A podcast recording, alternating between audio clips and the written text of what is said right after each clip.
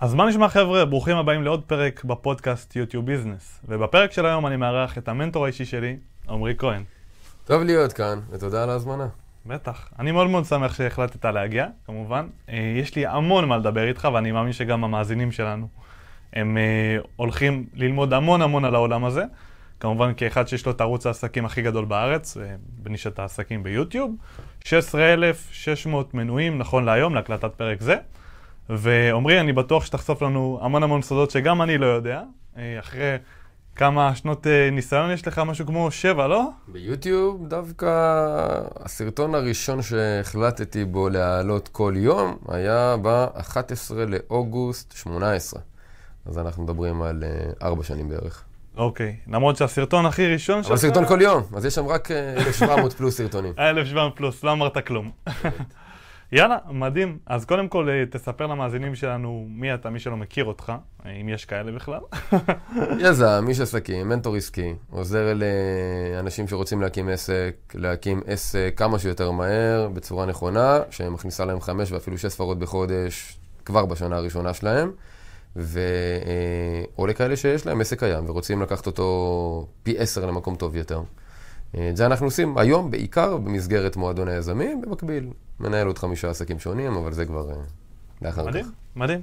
אז אני הכנתי ליסט של שאלות מאוד מאוד מדויקות, יאללה. שאני הייתי שמח שתענה עליהן כמובן, ואני בטוח שזה יעזור לנו המון המון המון, גם לי כאחד שמנהל המון המון ערוצים, וגם אני צברתי המון ניסיון, אבל אני מאמין שאין אגו, וכדי ללמוד צריך להקשיב לכל מי שיש לו ניסיון וכל מי שיודע על מה הוא מדבר.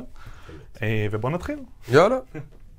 אז השאלה הראשונה היא, מה גרם לך להיכנס דווקא ליוטיוב? איזה רשתות חברתיות היו אז? אוקיי? למה דווקא יוטיוב? אני יודע שהיה פייסבוק אז. כן, ב-2018, סוף 2018, אוגוסט, כמו שאמרתי, כבר היו לפי דעתי את כל הרשתות. אני חושב שגם אינסטגרם, טיק טוק, לפי דעתי אולי, אולי טיק טוק. גם... אני מניח שהן היו אולי לא פופולריות כמו היום, אבל אני מניח שהיו, היו גם אחרות, סנאפצ'אט ואתה יודע, היו כל מיני כאלו, פופולריות יותר, פופולריות פחות, אבל, אבל זה לא משנה, עדיין הייתי בוחר ביוטיוב, מסיבה אחת מאוד פשוטה. יוטיוב, בעיניי, היתרון התחרותי שלו ביחס לפלטפורמות שיווק אחרות, זה ה... איך אנשים תופסים אותו. ויוטיוב אנשים תופסים בתור מקור למידה. להבדיל מפלטפורמות אחרות שרואים בהן מקור לבידור ולפאן ולהעביר את הזמן. כראיה, המילות המפתח הכי פופולריות ביוטיוב תמיד מתחילות במילים איך ל. וכפועל יוצא מכך, הסרטונים ביוטיוב הם ארוכים יותר, אנשים משקיעים את הזמן, הם מגיעים ליוטיוב כדי ללמוד, לא כדי לבדר את עצמם, ובעסקים זה יתרון ענק, בגלל שאז הקהל שמגיע אליך, הוא מוכן להשקיע יותר זמן ויותר מאמץ בלצרוך את התוכן שלך. ואנחנו יודעים שככל שהקהל צורך יותר תוכן, אז הוא גם מתבשל מהר יותר, ואז גם אתה מקבל לידים שהם סופר חמים. וזה היתרון הגדול של יוטיוב, ולכן החלטתי להיכנס לשם. מדהים. כי אני יודע שהיום רוב האנשים מתעסקים יותר באינסטגרם, ופייסבוק, וטיק טוק, וכל הטרנדים החדשים, שאני בדרך כלל אומר להם יוטיוב, אומרים, רגע, מה, יוטיוב כאילו, זה לא לשירים, זה לא לבידור וכאלה. ואז צריך להסביר להם מחדש למה, למה יש לזה יתרון. כי כל אחד יש לו שימוש שונה בפלטפורמה הזאת. זה, זה נורא משתנה. כאילו, דיברתי פעם אחת עם מישהי, שאמרה לי, מישהו נכנס ליוטיוב? אני שומעת אפילו שירים בספוטיפיי. זה רק המנוע החיפוש השלישי בגודלו בעולם אחרי גוגל. סליחה, השני. אחרי גוגל, אז... ושייכת לגוגל, אז אתה יכול לחפש בגוגל. רק 30 מיליון מבקרים ביום, רק 5 מיליארד צפיות ביום. אז... מטורף. מטורף. ו-500 שעות של תוכן שעולות. אתה יודע כמה ג'יגה סרטונים עולה לשם ביום? בדקה 500 שעות. נכון, נכון, מכיר את הנתון הזה. מדהים. פסיכי לחלוטין. אחלה. מה, מה הייתה מטרת פתיחת הערוץ? מה ניסית להשיג בזה שפתחת את הערוץ והחלטת... כל ערוץ, לידים.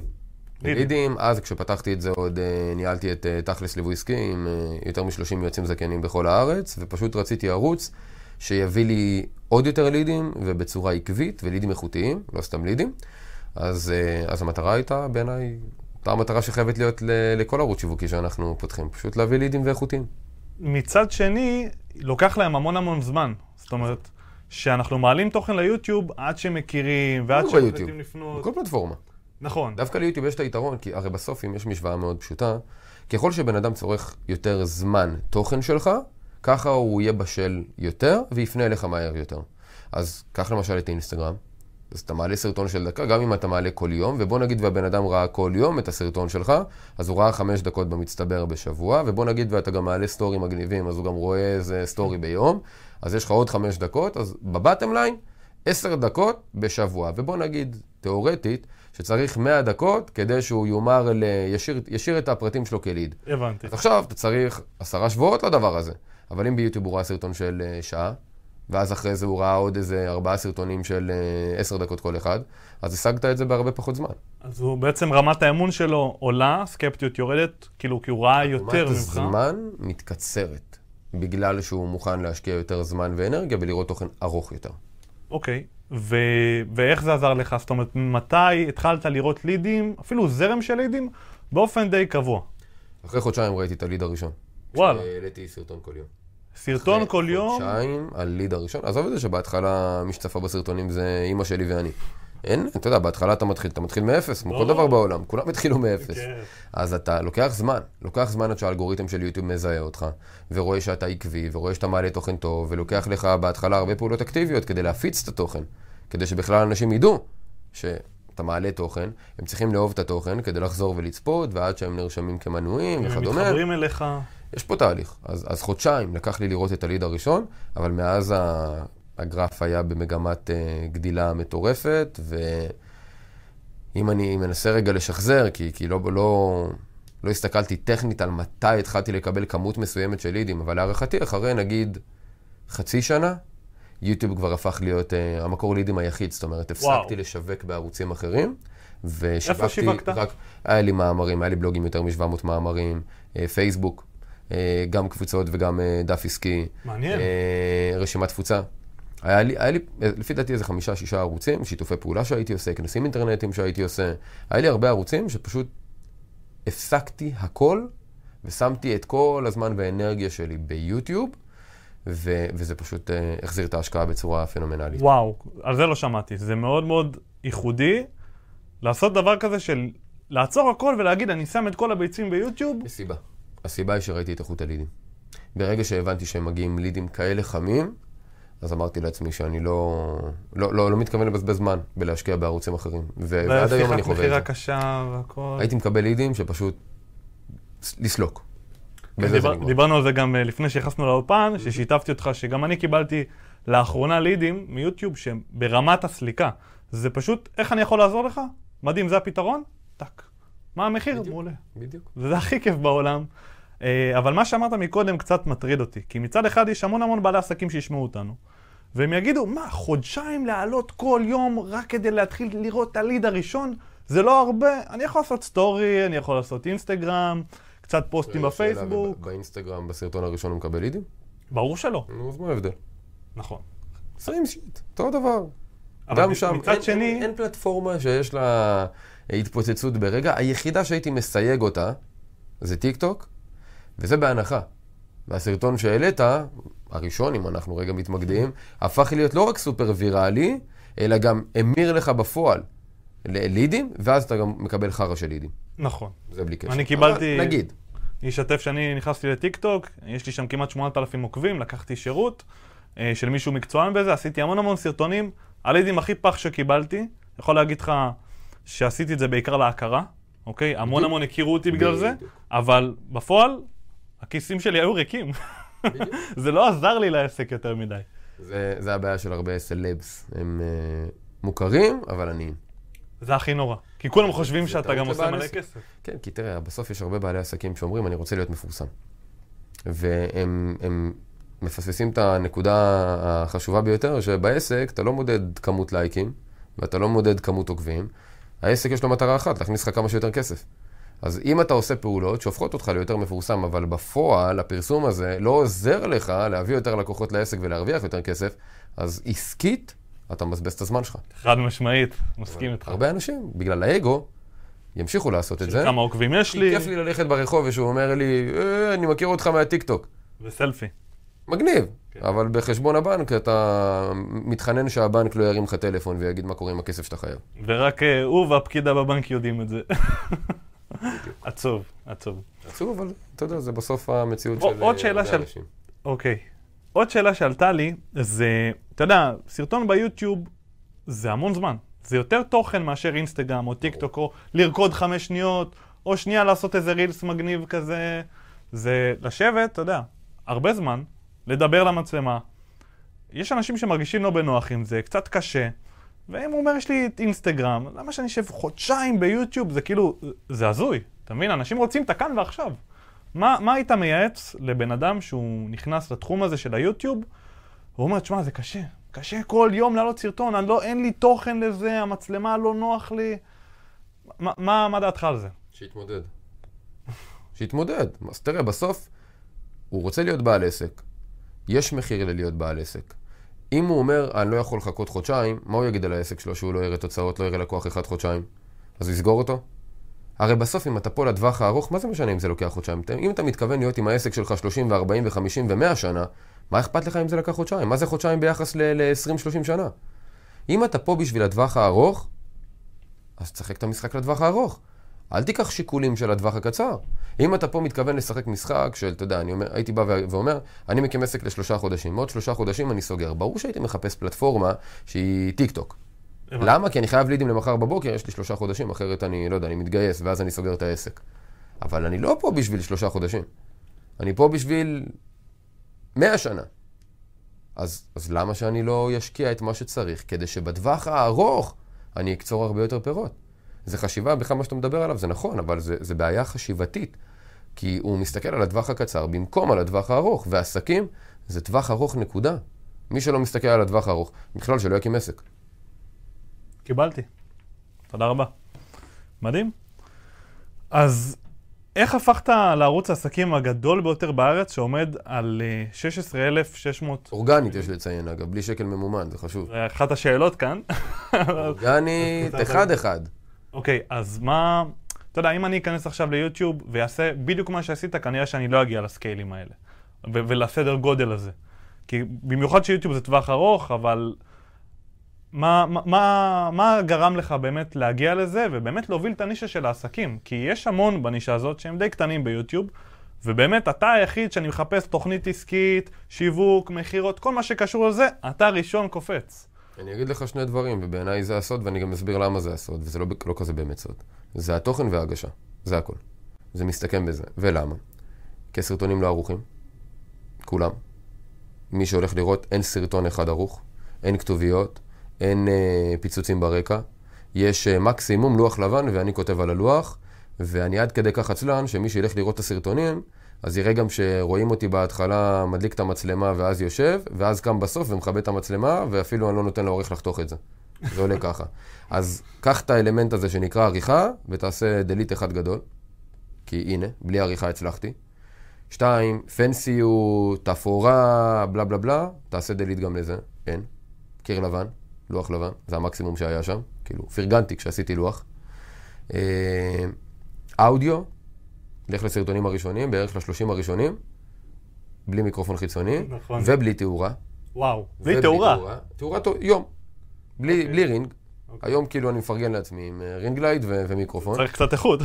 גם, גם בהתחלה ידעתי שאני רוצה, פשוט הזמנתי ולקח לזה, הזמנתי אז מאמזון ולקח איזה, לא יודע, 20 יום להגיע לזה, אז אתה יודע, אז בהתחלה פשוט לא רציתי להתעכב. אז העליתי את ה-20 סרטונים הראשונים, פשוט ככה, כי אמרתי שאני מעלה מהיום, אז אני מעלה מהיום, ואני... לקחת את זה מה ההחלטה. שיש. כן, גם הסרטונים הראשונים, אתה תלך לראות, היה כל סרטון 20 דקות, 30 דקות. סרטונים הראשונים. אז אה, אה, אני יכול להגיד, ועוד פעם, אני אומר את זה גם לאנשים, באמת, bottom line, זה תוכן והגשה. נתתי תוכן טוב, הרבה יותר טוב ממה שהיה ב- ביוטיוב, עד היום. זה התוכן בעיניי, ועוד פעם, אני אומר את זה על בסיס פידבקים, הכי פרקטי שימצאו ביוטיוב, על כסף, על עסקים ועל התפתחות אישית, בלי בולשיט. והדבר השני זה ההגשה. יש לי יכולת באמת לקחת רעיונות מורכבים, לפשט אותם, להנגיש את זה בגובה העיניים, ו- ובצורה אותנטית, ובצורה ישירה, ואנשים מתחברים לזה. אז, כאילו אני אומר, תוכן והגשה, וזה נשמע, אתה יודע, הכי obvious בעולם, אבל בפועל זה גם בכל פלטפורמה, זה לא רק יוטיוב. קח את ההפך. תוכן לא משהו, הגשה לא משהו. העריכה תעזור. זה לא יעזור. אז, אז כאילו, בטם ליין, כולנו יודעים שאם הייתי אומר לך איך להיכשל ביצירת תוכן, הדבר הראשון שהיית אומר, חרא של תוכן. הדבר השני שהיית אומר, חרא של הגשה. אז הנה זה, זה שני הפרמטרים, זה הסוד. תוכן טוב והגשה טובה. כשאתה אומר הגשה, למה אתה מתכוון? איך אתה מעביר את המסר? לא לפרטים הטכניים? לא. לאיך אתה מעביר את המסר. כי אתה יודע, בסוף, וזה חשוב, ליצור תוכן בכל פלטפורמה, בטח ובטח ביוטיוב, שאתה צריך להחזיק פה אנשים ליותר זמן. בטח. לא ל-10 שניות, 15 שניות, 60 שניות. צריך להחזיק אותם פה לדקות, אם לא עשרות דקות, לפעמים לשעה. זה מיומנות, זה כמו הרצאה. אתה מכיר את זה, אתה הולך להרצאה, ואחרי 10 דקות אתה נרדם. לא בא לי, ויש הרצאה שאתה 60 דקות ככה. כן. אז, אותו, אז זה פי עשר יותר מאתגר כשהוא לבד ואתה מאחורי המצלמה.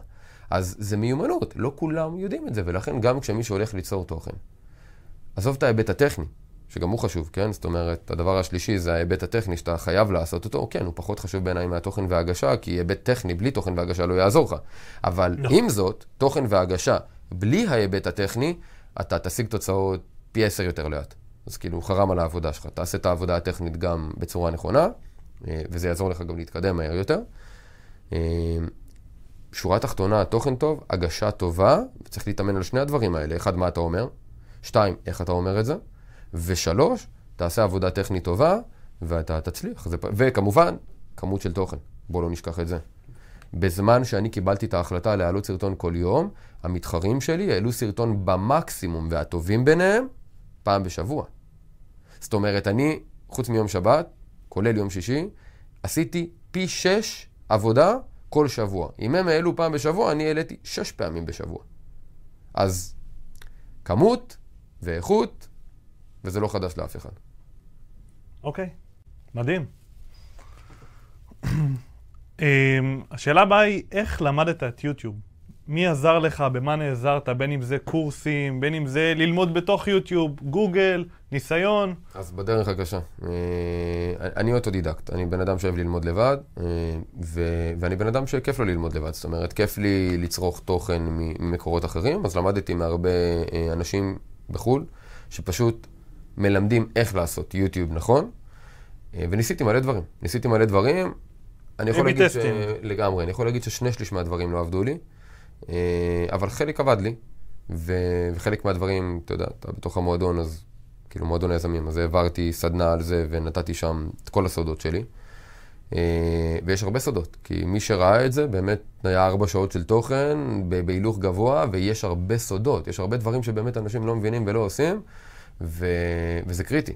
כי זה מה שעזר לי בסוף לעשות את ה-AB testing, לראות באמת מה עבד לי ומה לא, ופשוט להתמיד בדברים האלה כדי לראות תוצאות יותר טובות. אז למדתי, שוב, מיוטיוברים מחו"ל, שפשוט העבודה שלהם היא לעזור ליוטיוברים להצליח. והדבר השני זה פשוט אה, ניתוח המידע של הסרטונים שלי. הייתי כל שבוע יושב על האנליטיקס, ופשוט מסתכל איזה סרטונים עבדו יותר, איזה סרטונים עבדו פחות, איפה הייתה הנטישה, איזה סרטונים הביאו לי עוקבים, איזה סרטונים לא, מה, איפה היו תגובות, איפה הייתה מעורבות, איפה לא. ופשוט עשיתי יותר ממה שהקהל אהב, שזה בסיס ליצירת תוכן בכל פלטפורמה. פשוט תעשה תוכן, תראה מה הקהל אוהב, תן לו יותר ממה שהוא אוהב. אז uh, למידה מה, מהמומחים נקרא לזה, וניסוי וטעייה. מדהים. אתה יודע, רוב האנשים הם לא, לא מכירים את הטכני של יוטיוב, הם רואים את הגרפים, הם... ויש. הלאה, איסטר. יש טכני. מה זה יש טכני? טכני. זה מה שאנחנו עושים בצוות, נכון. ואנחנו לוקחים את כל הפן הטכני עלינו, את המחקר, גם מה מחפשים כדי לייצר תוכן בהתאם, ו... וזה גם הפתרון בדרך כלל שבאים אלינו, שבאמת גם פותרים את החלק של הזמן, של הלייצר את התוכן, והטכני, שאתה יודע, מי חכם כבעל ניסיון. אוקיי? מדהים. אז מהו המשפך שהיית מוביל את הקהל מהיוטיוב? מה הכי עבד לך? אני בטוח שניסית כל כך הרבה דברים, ווובינרים, ומיילים, וניוזלטר, וקורסים. מה לדעתך הכי אידיאלי לעשות כמשפך, אוקיי? אם, אם הקהל כבר חם, אז אולי אנחנו לא צריכים להעביר אותו דרך, או להעביר אותו דרך קצרה, או ישר מעמד מכירה. מה אתה אומר על זה? אז, אז שני דברים, אחד, אה, הוא, הוא, הייתי קורא לו שגרתי, לפחות בעיניי, אה, השני יפתיע, יפתיע ממש. אה, יפתיע גם אותי. אבל הראשון זה, זה מה שאנחנו קוראים לו פיתיון, מתנה חינמית. יוטיוב זה פלטפורמה שאנשים אה, צורכים תוכן הרבה זמן, כמו שאמרנו, והם רוצים ממך עוד תוכן, והם מוכנים להשקיע את הזמן. אז זו תהיה טעות להעביר אותם לפלטפורמה עם תוכן קצר טווח. רדוד יותר. זאת אומרת, אל תעביר מהיוטיוב לאינסטגרם, ת, הפוך, תעביר מהאינסטגרם ליוטיוב. תן להם את ה-teaser באינסטגרם, ואז תעביר אותם ליוטיוב, כי הם יהיו מושקעים יותר. או לצורך העניין, קח אותם מהטיק טוק לאינסטגרם, שזה טיפה יותר, ומהאינסטגרם, שוב, תעביר אותם ליוטיוב. זה פער גדול מדי. נכון, טיק טוק, אינסטגרם. מעולה, וזה בדיוק מה שצריך כדי להעיף את כל הזבל שיש בטיקטוק. את כל הלידים שאתה לא רוצה שפונים אליך בטיקטוק, אתה מבזבז עליהם זמן, ואז אתה מגלה שהם חרא של לידים. אז תסנן יותר, הרי איך אתה משפר את איכות הלידים? אתה שם יותר מכשולים. נכון. אז מהטיקטוק, תביא אותם לאינסטגרם. יפלו לך חלק מה, מהדפוקים 70 האלו. אחוז. מעולה. ואז יישארו לך 30 אחוז דפוקים, הם גם יפלו באינסטגרם, ואז יהיו לך 10 אחוזים טובים, שילכו ליוטיוב, ומתוכם איזה אחוז יפנה אליך באמת, אבל הם יהיו אחוז טוב. ועם האשראי בחוץ כמובן. אז בדיוק. אז, אז אני מעדיף כמה שיותר uh, מסננים בדרך ל- ליוטיוב. Uh, אז פיתיון, פשוט מה, מהיוטיוב, פיתיון של מתנה חינמית, שמעביר אותם גם מיד ל- להשאיר פרטים. ל- לשיחת ייעוץ, למה זאת שזה אומרת, לא הוא לקח יהיה. את הפיתיון, הדף תודה יהיה להשאיר פרטים. הפיתיון נשלח אליך במייל, בינתיים הנה עוד הצעה שיכולה לעניין אותך, ולתת לו להשאיר את ו- הפרטים. קבל אותו כליד, שזה לקחת את הטלפון שלו באתם כי מייל זה לא ליד, טלפון. הדבר השני, והוא המפתיע, כי עשיתי את זה כאילו בצורה מאוד... אה, בלי מחשבה. פשוט שמתי את המייל שלי, וכתבתי, אם יש לכם שאלות, הנה המייל. וואו. קיבלתי ימבה של פניות למייל. עד היום. מלא, עד היום. וואו. עד היום, אם, אם תשאל למשל את עידן, מנכ"ל המועדון הלידים, הוא רואה צילומי מסך שאני מעביר לו, של אנשים ששולחים לי מיילים עד היום, ו... וזה זה הפתיע אותי. אבל אתה יודע, זה די הגיוני. כי אנשים ראו משהו, יש להם שאלה, הם תוהים עם עצמם איך אני יכול ליצור עם הבן אדם הזה קשר, וטלפון אני בטח לא אתן, אז מייל זה מגניב. אז הייתי עונה לאנשים על השאלה. ו... ובתוך השאלה, או שהייתי אומר, אם אתה רוצה אגב ללמוד יותר, יש לי, בלה בלה בלה, ואז היו שולחים לי את הפרטים, או שהייתי נותן להם פשוט תשובה, ואז הם היו שואלים אותי, תגיד רגע, יש לך איזה ליווי, יש לך ייעוץ, יש לך משהו? אז כן, בטח נחזור אליך, מה הטלפון? הבנתי. זאת אומרת, המייל, שהוא ההפתעה, פשוט הביא לי הרבה לידים. אתה יודע, זה קטע. כי באמת לפני שבועיים קיבלתי ליד מהמייל, ששאלתי אותה איך הגעת אליי, ואמרה לי מהיוטיוב. ואז היא אמרה לי, תקשיב, אני טכנופובית, קשה לי, וזה איכשהו מצאתי את המייל שלך. עכשיו, על, פעם, על פי מה שאמרת, כנראה שהמייל שלי יהיה בכל הסרטונים. וואו. זה, זה בדיוק, זו נקודה מעניינת, כי אני הופתעתי מזה מאוד. אבל כאילו, אתה יודע, אחרי שחשבתי על זה, אמרתי, וואלה, כן, הגיוני. אם אני הייתי רואה סרטון ביוטיוב, והייתי יכול לשאול שאלה, והייתי יודע באמת שהבן אדם יענה לי, בטח שהייתי שולח לו שאלה. אבל למה לא. אינסטגרם? למה לא פייסבוק? כי, כי למה לי לראות באינסטגרם? כאילו, בסוף אני רוצה לשאול אותך שאלה, זאת המטרה. אז מייל זה הדרך הכי טובה. מעניין. מעניין מאוד. אז אה, טיפ ראשון, שימו מייל. חופשי, חופשי, לגמרי.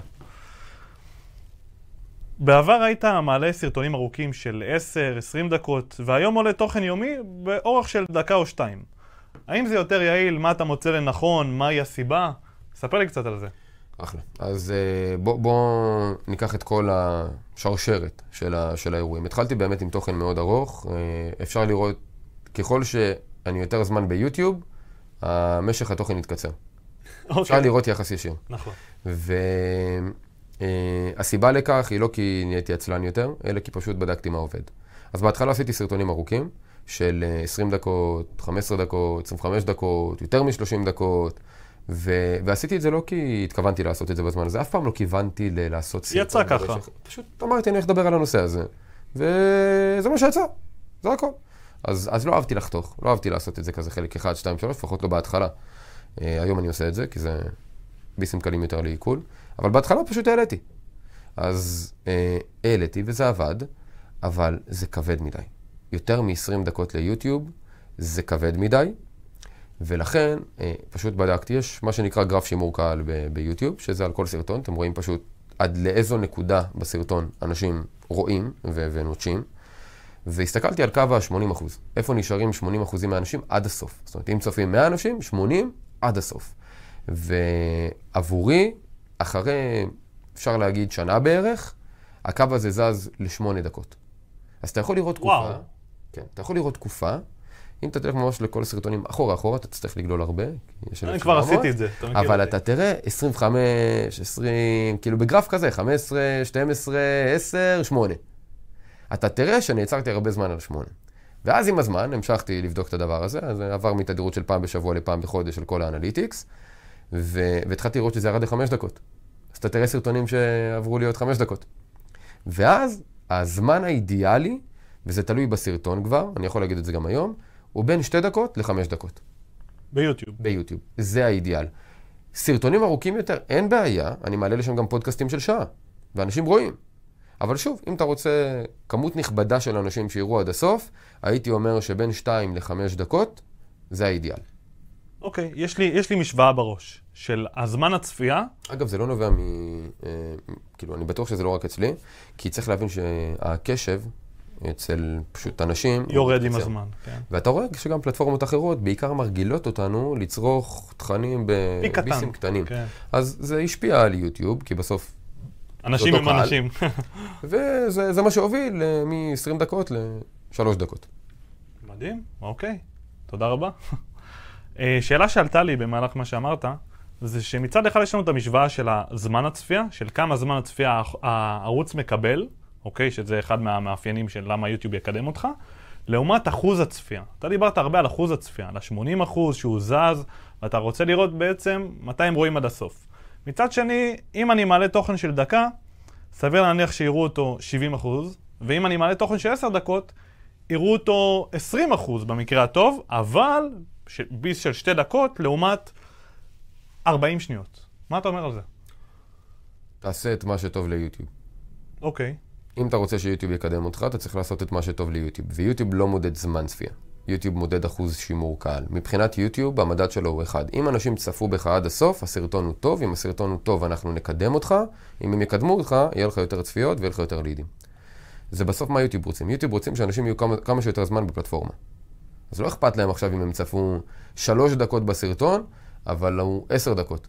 אז השימור הוא 30 אחוז. מבחינת יוטיוב, סרטון גרוע. כי אוקיי. אנשים נוטשים אותו.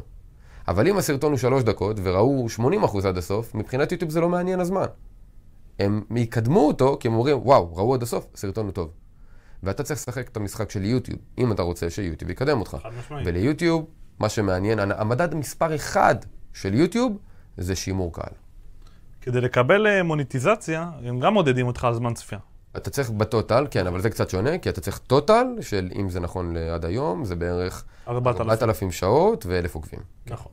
אז אה, בוא נגיד עוד סאבטקסט מתוך השאלה, זה...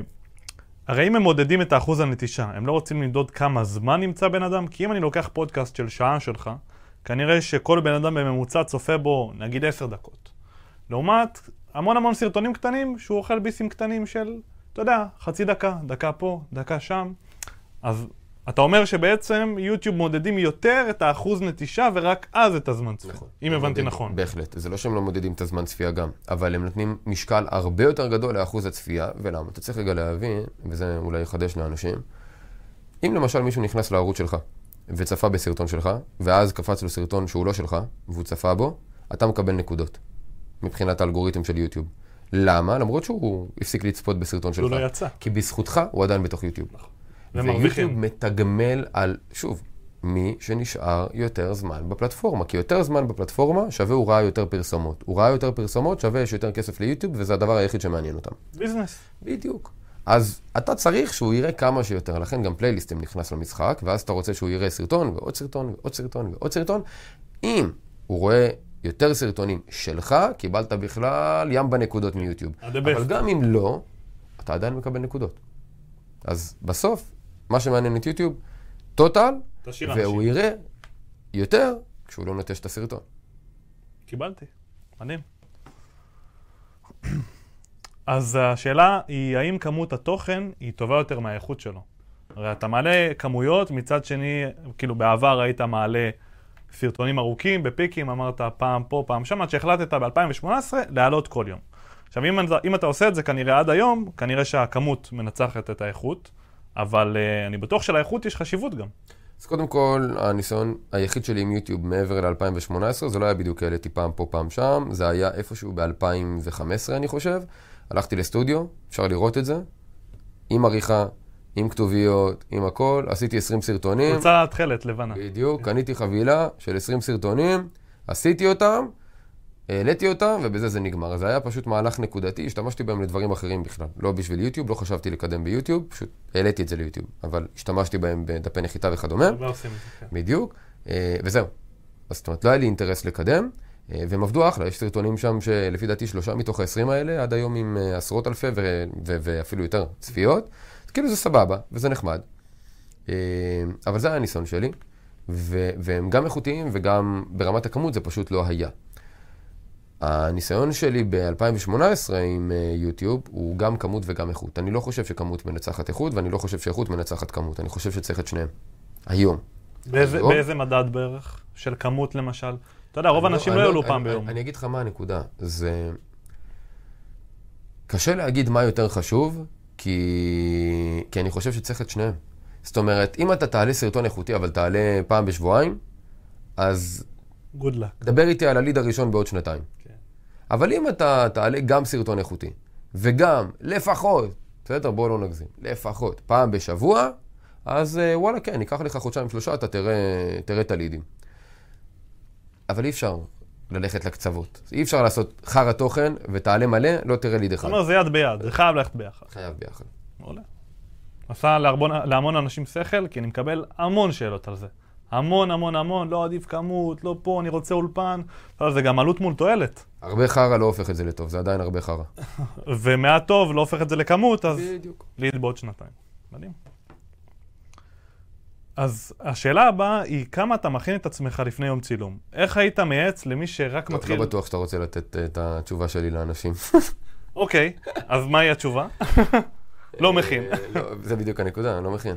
אה, כשאני מצלם ליוטיוב, אני פשוט חושב על נושאים אה, בבולטים כזה, בדף, זאת אומרת, אני לא, לא, לא על התוכן אפילו, על פשוט מה בא לי לדבר. בא לי לדבר על אה, שלושה טיפים להצלחה ביוטיוב. מגניב. התוכן לא חוזר על עצמו?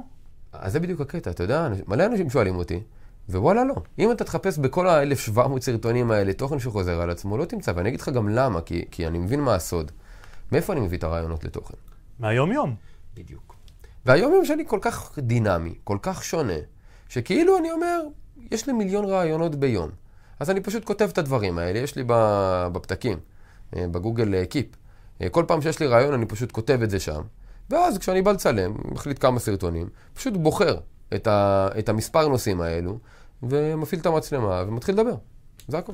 זה זה לדעתי הסוד בכללי לייצור תוכן. אני יכול להגיד לך שאצלי במיילים, ברשימת תפוצה שלי, זה רק דברים מהיום-יום. נפלא. אני לא חושב על לתת טיפים. אני אומר מה חוויתי, זה גם המסקנות. אותנטי. זה לגמרי, גם אותנטי. כי, כי אם אני צריך לתת טיפ אחד לתוכן, תחליפו את האיך ל באיך אני. למה הכוונה? במקום לבוא ולהגיד איך להצליח ביוטיוב, אז תבואו ותגידו איך הגעתי לאלף מנויים ביוטיוב תוך חודשיים. זה הרבה יותר אותנטי, זה אמיתי, זה case study, זה אתה מדבר מתוך הניסיון שלך, מתוך התוצאות שלך. במקום לבוא ולהגיד, אה, שמונה שיטות להתגבר על כעס, תגיד, הנה השיטה שלי להתגבר על כעס. הרבה יותר קל. תשמע, זה כל הסרטונים ביוטיוב שלך ככה. בדיוק. עכשיו נפל לי האסימון. בדיוק, כי אני מדבר מניסיון. אני גם לא צריך ל... אתה יודע, זה גם מצחיק, לפעמים אנשים מדברים על, אה, על שיטות ל... ואז הם, הם לא באמת משתמשים בזה. אז הם יכולים לעשות עוד סרטון והם יגידו דברים אחרים. וזה מוציא אותם מפגרים, כי הם לא עקביים. אתה, אתה לא עושה את זה, אז מה אתה מחרטט? אבל אם ישאלו אותי את אותה השאלה, אז כל עוד לא שיניתי את, ה, את השיטה שאני מתמודד, אז אני אתן תמיד את אותה התשובה, ואני לא צריך לחשוב מה אמרתי אז כדי לא לטעות או לא לשקר. אני פשוט אומר את מה, מה שאני עושה. זה הרבה יותר קל. מדהים. תשמע, זו תובנה שאני בטוח שתעזור לרוב האנשים.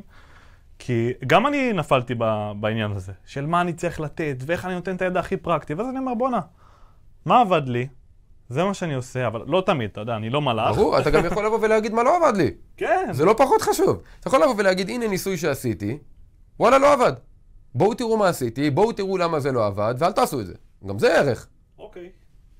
וזה דווקא לא עושים. לא? כולם מדברים על העונג, על מה, מה עובד, מה כן עובד. בוא נדבר על מה לא עובד, שנדע מה לא לעשות. על הכל, זה לא משנה. כל הרעיון ביצירת תוכן זה לשתף את המסע שלך. וואו. זה הכל. אז דבר על המסע שלך, יש דברים שאתה עושה, מה, הכל עובד לנו? לא. יש דברים שעובדים, יש דברים שלא, אבל זה לא משנה, זה עדיין מעניין. וגם להימנע מטעויות, זה חלק מהסוד להצלחה. לא רק לדעת מה, לא, מה כן לעשות, אלא גם לדעת מה לא לעשות. זה ערך. תשמע, שתף את המסע, לדעתי זה המשפט המחץ, כנראה זה יהיה גם הכותרת. זה באמת לשתף את המסע בליצור תוכן. אין הגדרה. בטם ליין. אין פה משהו אחר. זה לא טיפים ולא איך ל... לשתף את, את המסע שלי בעולם. בדיוק. מדהים, מדהים, וואו. הפלת לי אסימון ענק. מה- טוב, מה דעתך על עריכות קאטים, טקסטים וכאלה כבר אמרת? אני אגיד לך מה, אני, אני אגיד משהו ואני אסתור את עצמי. בעיניי זה חרטבונה, לא צריך לעשות את זה, כי אם התוכן שלך מספיק טוב, האריזה לא רלוונטית. כולנו מכירים את זה, יש איזה תוכן שאתה מת לראות, אודיו לא משהו, וידאו, התאורה לא משהו, ואתה, אם צריך, אתה תתקע את הטלפון באוזן כדי לשמוע מה הוא אומר. כי אתה כל כך רוצה לשמוע מה הבן אדם אומר, שהאודיו לא רלוונטי. אתה תתמודד עם, ה, עם התפאורה הלא טובה. והצד השני, וזו הסתירה של הדבר הזה, בעולם של היום, אי אפשר. אתה לא יכול.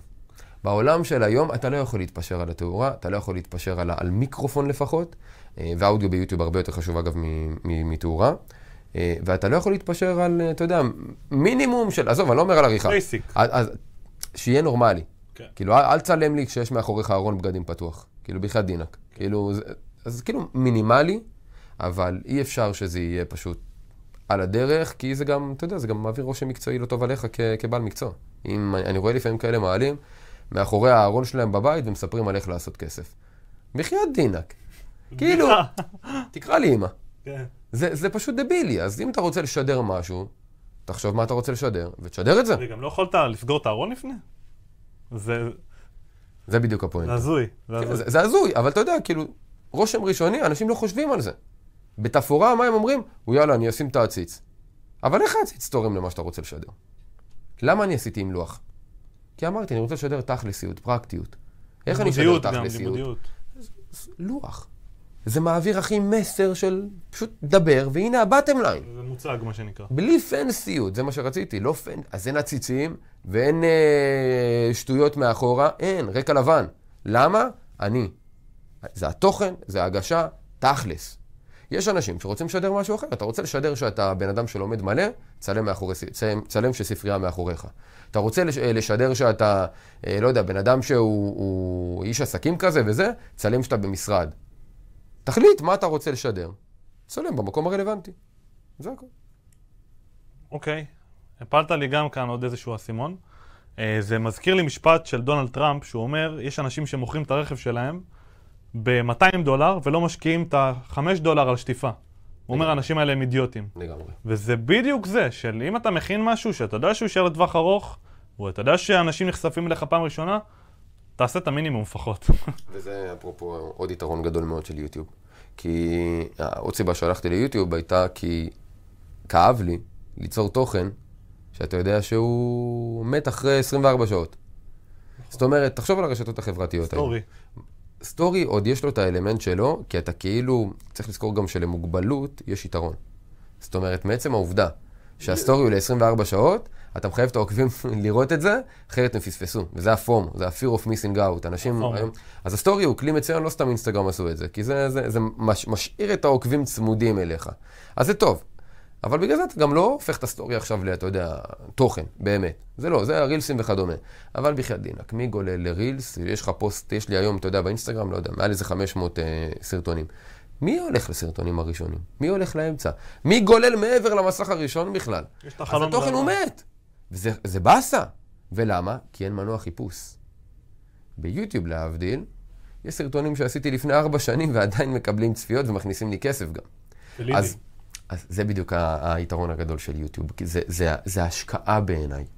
זה לא הוצאה, זה השקעה, כי התוכן נשאר לנצח, ואנשים מחיפוש פשוט יכולים להגיע אליו, ו- וזה רק יוטיוב היום. רק יוטיוב. נכון. גם בגוגל, אתה יודע, חלק מה-SEO שאנחנו עושים, הנקודה, נכון. מהקידום, נכון. זה מאמרים, לחקור. זה מאמרים ויוטיוב. אינסטגרם לא, טיק טוק לא. פודקאסט מתחילים, הבנתי, שמעתי שהם רוצים עכשיו בספוטיפיי וכדומה, ליצור כזה חיפוש יותר ממוקד על התוכן, ואז הם ממש כאילו גם יעלו לך את, ה, את התוכן המתאים, אבל יוטיוב הקדימו אותם, ולכן יוטיוב עכשיו גם יצרו לשונית של פודקאסטים. נכון. זאת אומרת, הכל משחק של תחרות שם, אבל הם מבינים שהמשחק בסוף זה חיפוש. ויוטיוב בחיפוש, מה לעשות? מספר אחד. לגמרי. מה שבאתי להגיד זה שחלק מהעבודת קידום שאנחנו עושים זה גם uh, מחקר בגוגל. כי גוגל, יוטיוב שייכת לגוגל, ואם אתה מחפש, עכשיו כל מי ששומע אותנו יכול לחפש איך למכור ברשתות החברתיות, בגוגל אני אקפוץ ראשון. לא משנה איפה אתם מחפשים, כל זה בישראל כמובן, מהמם. כי אנחנו עושים את העבודת מחקר הזאת. וזה גם טריק של בן אדם שהוא לא מחפש ביוטיוב, הוא מחפש בגוגל. כולנו הולכים לגוגל בשביל לחפש, עד שיגיע ה-GPT הבא בשביל אה, משהו אחר. אבל בינתיים זה גוגל. ו- וזה מדהים, אתה יודע, אני מצאתי המון המון סרטונים שלך מהחיפוש של אה, גוגל. של ברור. תוכנית עסקית, עסקים, לחלוטין. כסף. זה עוד יתרון, שבתוך גוגל, בחיפוש, עולים לך סרטונים מיוטיוב, כי יוטיוב הרי בבעלות גוגל. אז ההתממשקות שלהם פשוט עוזר לך להפיץ עוד יותר את הסרטונים בצורה אורגנית לחלוטין, וזה, ו-80% מהתנועה באינטרנט היא, היא סרטונים, וזה רק הולך וגדל. אז אה, זה עוד סיבה להשקיע ביוטיוב, למי שעדיין לא הבין. כל כך הרבה סיבות. מדהים. אז יש לי מיתוס שעלה לי לראש ומשהו שראיתי המון המון באינטרנט שעד היום הוא לא פתור לי. זה האם לקרוא לקובץ וידאו שאני מעלה ליוטיוב בשם הסרטון, זה יקדם אותו יותר? אתה יודע, המון אנשים אומרים, תשמע, אם אני קורא לכותרת ככה, במקום לקרוא לו פייל אה, או משהו שיצא ברנדר של העריכה למשל, פשוט לשנות לו את השם לשם הסרטון, ואז להעלות. האם זה משנה? אז התשובה היא חד משמעית כן, וזה גם אחד הטיפים שנתתי בסדנה של, ה- של המועדון. כן, חד משמעית, בדקתי את זה עם מומחים של יוטיוב, התשובה היא כן. יוטיוב יודע לקרוא את השם הזה, כולל thumbnail, שאתה מעלה, כנ"ל, שהשם את של? ה-thumbnail, לא רק את ה-thumbnail בטקסט, גם זה, וגם את שם הקובץ. גם של ה-thumbnail, תקראו לזה, לא בשם הסרטון, כי לפעמים שם הסרטון יכול להיות גם שיווקי קצת. תקראו לזה עם מילות המפתח הרלוונטיות. זאת אומרת, אם אתה רוצה לקדם סרטון על איך להיות עשיר, גם אם הסרטון הוא חמש מקורות הכנסה פסיביים ש... שיש לי, עדיין תקרא לזה איך להיות עשיר. ואז זה יעלה, כי הרי מילת המפתח שאתה תרצה לקדם זה איך להיות עשיר, ואז זה יעלה. אוקיי, מעניין פשוט- מאוד. טוטלי כן. זאת אומרת, גם השם של התמונה שאני מוציא לטאמבנייל, מי שלא יודע מה זה טאמבנייל, זה התמונה הממוזרת לסרטון, שככה תופסת את העין ללחוץ, זה גם משהו שאני אומר, ה-thumbnail הוא ההוק של הסרטון, בדיוק. אוקיי? הוא לפני הכל, עוד לפני שבן אדם בא לראות את הסרטון שכל כך השקעת עליו, בוא תעטוף אותו יפה, בדיוק. כדי שמישהו בכלל ייכנס אליו. כמה סרטונים נכון. יש ביוטיוב שאין להם thumbnail, אין להם את התמונה הזאת, אין להם מילות מפתח טובות. אתה יודע, זה ארגזים של תוכן נכון, שאף אחד לא רואה אותו. נכון, נכון. ו- וזה אנשים שלא מבינים ביוטיוב, אומרים, טוב, אני אעלה, מנסה קצת, אה, זה חודשיים עד לליד הראשון, זה לא עובד לי פה, שם, ומתייאשים. זה, גם אמרת את זה בהרצאה של המועדון, שזו הפלטפורמה הכי קשה, והיא הכי מתגמלת גם.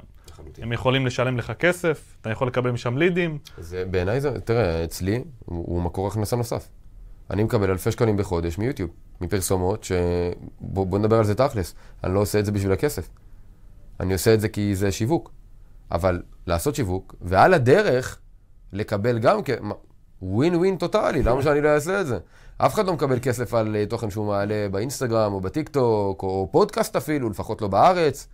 אז יוטיוב היא גם אשכרה הפלטפורמה היחידה, ועזבו את הטיק טוק עכשיו שעל מיליון צפיות אתם מקבלים 10 אגורות. אה, וזה יוטיוב זה כסף כנראה פחות אגב. יותר טוב. באמת זה כנראה גם פחות מ-10 אגורות. אבל אה, זה, זה פשוט לא ריאלי. אז יוטיוב זה אשכרה הפלטפורמה היחידה, שנותנת לכם גם אלפי שקלים בחודש, גם בערוץ כזה. תראה, בוא נדבר תכלס, בסוף הערוץ שלי ביחס לערוצים אחרים הוא לא גדול. אבל נישת אה, יש- העסקים היא מצומצמת. בדיוק, הייתי פעם במשרד פרסום, והם אמרו לי, תקשיב, אתה, אתה לא מבין את הפרופורציה. בנישה של עסקים, להיות עם, עם בערך 17,000 עוקבים, זה שקול ללהיות עם 100,000 עוקבים. בטח. אתה בנישה ב- בישראל. זה, זה, זה מלא, זה מלא.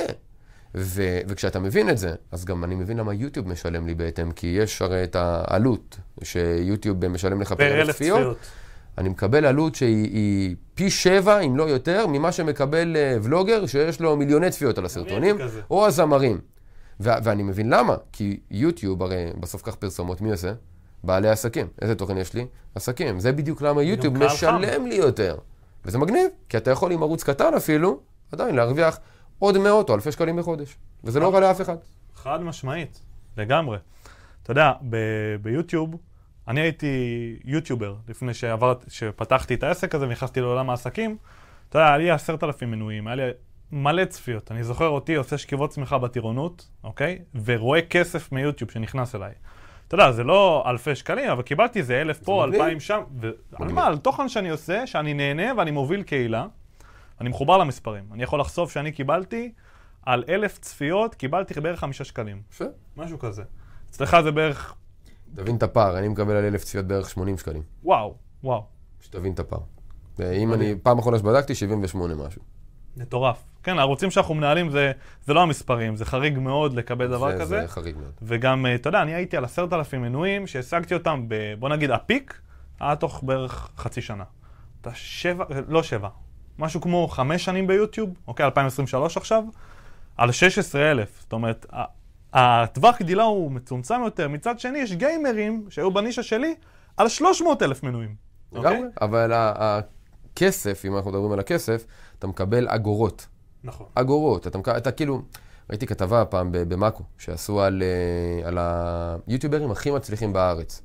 והם דיברו על כסף. היוטיובר הכי מצליח עשה, זה כתבה מלפני כמה שנים, אז אולי היום זה יותר, אבל בטח לא, לא כזה הרבה יותר. היוטיובר הכי מצליח, שהיה לו מיליוני צפיות על כל סרטון, קיבל 6,000 שקלים בחודש. רק מיוטיוב. רק מיוטיוב. 6,000 שקלים בחודש. הוא לא יכול לחיות עכשיו אין. בעיה, עזוב את זה שהוא עושה כסף מ, אתה יודע, חסויות ומוכר מוצרים ושטויות. אני מדבר על הפרסומות. 6,000 שקל על, על כל סרטון מאות אלפי ומיליוני צפיות. זה כלום כסף.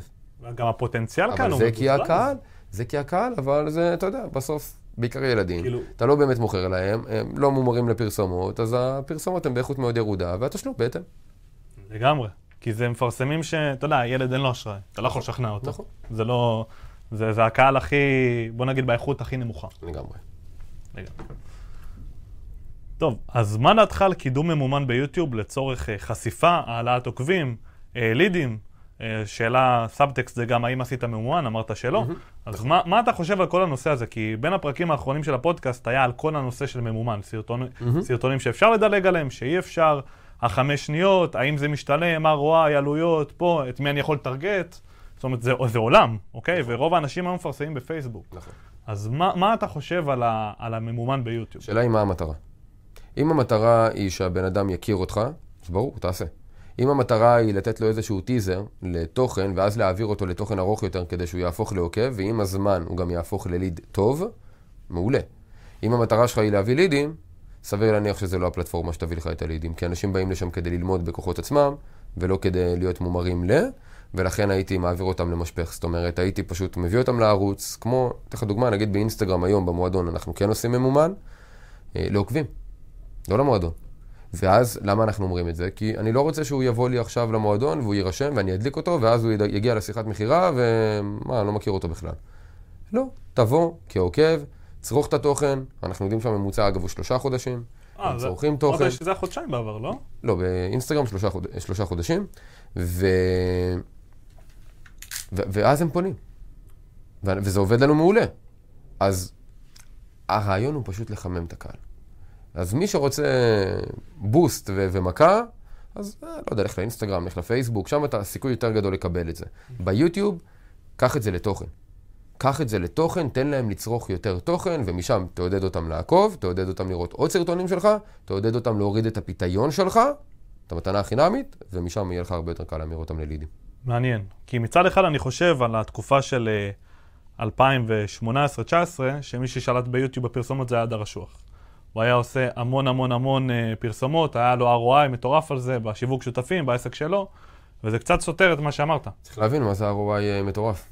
שהוא מביא לידים, מוכר להם ב-2,400 שקלים. שהכל, מה זה ROI? אתה רוצה לדעת כמה כסף כמה הוא יצא, הוציא, כמה נכנס. כמה כסף הוא נכנס. כן. אז אני לא מכיר את המספרים. לא אני- מה אני מכיר, כי אני אז- חקרתי את זה. אז השאלה היא כמה כסף הוא הוציא וכמה כסף הוא הכניס. ואם זה הערוץ הכי אפקטיבי. זאת השאלה. אוקיי, אוקיי, מעניין. כי אני זוכר שזו התקופה שלא היה בן אדם בארץ שלא ש- הכיר אותו. נכון, אין בעיה, אבל השאלה היא מה המטרה שלך. אם המטרה היא שיכירו אותך, מעולה, יש פה כסף. הכל טוב. לא, זה היה לידים. אבל ROI אומר, אתה מביא, בסוף, אם, אם עכשיו הוצאת 200 שקלים כדי להביא את הליד, הקליקו X, נרשמו Y, וקנה ממך Z. אז אם הוצאת בתהליך הזה, סתם דוגמה, 200 שקלים, ומכרת מוצר פחות מ-200 שקלים, אז אתה משלם ללקוח כדי שהוא יקנה. אם הוצאת 200 שקלים, break even, אז, אז כאילו, אתה אידיוט. ואיפה עלויות ואם תפעול? אתה מרוויח יותר, השאלה כמה יותר והאם זה שווה את זה. כן. זאת אומרת, זה ה-ROI בבטם ליין, כמה כסף הוצאת, כמה כסף קיבלת. היתרון ביוטיוב, גם נכון להיום, זה שהפרסומות מאוד זולות. ביחס לאינסטגרם או ביחס לפייסבוק, כי פשוט פחות אנשים מפרסמים שם. אז אתה יכול לקבל באמת פרסומות גם באגורות, אה, וזה למה אתה רואה הרבה פרסומות של אנשים שעושים. גם אם ה-ROI נמוך, לפעמים זה מחזיר את עצמו, פשוט בגלל שהעלויות הן מאוד נמוכות. קיבלתי. שאלה אחרונה, ואני חושב שנסכם את הרעיון הזה כאן. אה, זה יוטיוב שורטס. איך אפשר להתעלם מהדבר הזה, הדבר החדש הזה שצץ, אחרי שיוטיוב ראו שטיק טוק עושים פורמט גלילה, אינסטגרם חיקו אותם, עשו פורמט גלילה, היוטיוב נכנס, שהוא משולב קצת עם אה, חיפוש. אה, מה, מה אתה חושב על זה? אני יודע שיש לך המון המון shorts-ים בערוץ שלך, ואתה מעלה כמעט כל מה שאתה מעלה בסטורי של האינסטגרם. אה, איך לעשות את זה בצורה האידיאלית? כמובן, שאלת מקודם מה המטרה, המטרה זה כמה שיותר עוקבים, mm-hmm. לידים, חשיפה, mm-hmm. ובסופו של דבר רכישות למוצר. אז איך אנחנו משתמשים בזה? אז, אז מהניסיון שלי, כי באמת אה, במשך שלושה חודשים העליתי רק שורטים, ממש אפילו כתחליף לסרטונים הרגילים, אה, כ-AB testing. אה, התובנה העיקרית שקיבלתי היא שאחד, שורטים לא מביאים עוקבים. זה הדבר ראשון. אני בטוח שגם מהניסיון שלך, אם אתה עושה שורטים, אתה יכול לראות שכמות העוקבים ששורטים מביאים היא שואפת לאפס. והתפקיד המרכזי של שורטים זה להביא אנשים לתוכן הארוך שלך. וזה גם האסטרטגיה של יוטיוב. אחרי שלמדתי את זה, הבנתי גם שיוטיוב, אם מישהו רואה לך את השורט, הם מציעים אותך בסרטונים המומלצים. אבל הם לא מציעים עוד שורטים, הם מציעים את הסרטונים הארוכים שלך. זה הסיבה גם למה לעשות שורטים. כי זה כמו טיזר, מבחינת יוטיוב וגם מבחינתך, לתוכן ארוך יותר, שפשוט גורם לאנשים שלא מכירים אותך להגיד, אה, ah, מגניב, זה מעניין אותי, ואז יוטיוב, מתוך אינטרס שהוא יראה סרטונים רלוונטיים לו ויישאר יותר זמן בפלטפורמה, פשוט מראים לו את הסרטונים הארוכים שלך, כי ליוטיוב אין אינטרס שאנשים יראו סרטונים של דקה. יוטיוב, שוב, כמו שאמרנו, כמה שיותר זמן, יותר טוב. אין להם שום אינטרס שתראה סרטון של דקה. הם מעדיפים שתראה פודקאסט של שעה. אבל כדי לעשות את זה, הם נותנים לך טעימה כדי פשוט לנסות להבין, מבחינתם, מה תחום העניין שלך. ואז אם הם רואים שהעליתי סרטון על כסף, והבן אדם ראה את השורט, אז הבן אדם הזה, בדף בית שלו, או בסרטונים המומלצים, יתחיל לראות אותי עכשיו, אבל לא עם השורטים, עם הסרטונים הרגילים על כסף. ואז הוא יראה אותי, וליוטיוב לא אכפת אם הוא רואה אותי או את המתחרה שלי, זה לא מעניין. מבחינת יוטיוב, העיקר שיישאר בפלטפורמה. אז הם יציעו לו אותי, ואם הוא ילחץ, אז הם גם יציעו לו יותר, ואם לא, אז הם לא יציעו לו יותר. אז שורטס, הכרחי, כדי לתת טיזרים, אני ממליץ על לקחת איזשהו חלק, מה שנקרא היום ביוטיוב קליפים. אתה פשוט יכול לחתוך קליפ מסרטון. זה בדיוק הסיבה שהם הכינו את זה כנראה. בדיוק, כדי להקל עלי. אתה לוקח קליפ, אתה מעלה את זה כשורט, ואז מי שזה יהיה רלוונטי לו, פשוט יוטיוב יתחילו להציע לו את הסרטונים הארוכים, ואתה תרוויח יותר עוקבים מהארוכים, ויוטיוב ירוויח יותר זמן. זאת אומרת, אם אני מסכם את זה, בסופו של דבר הם הוציאו את השורטים כדי, בוא נגיד, לתמוך בסרטונים האחרים. לחלוטין.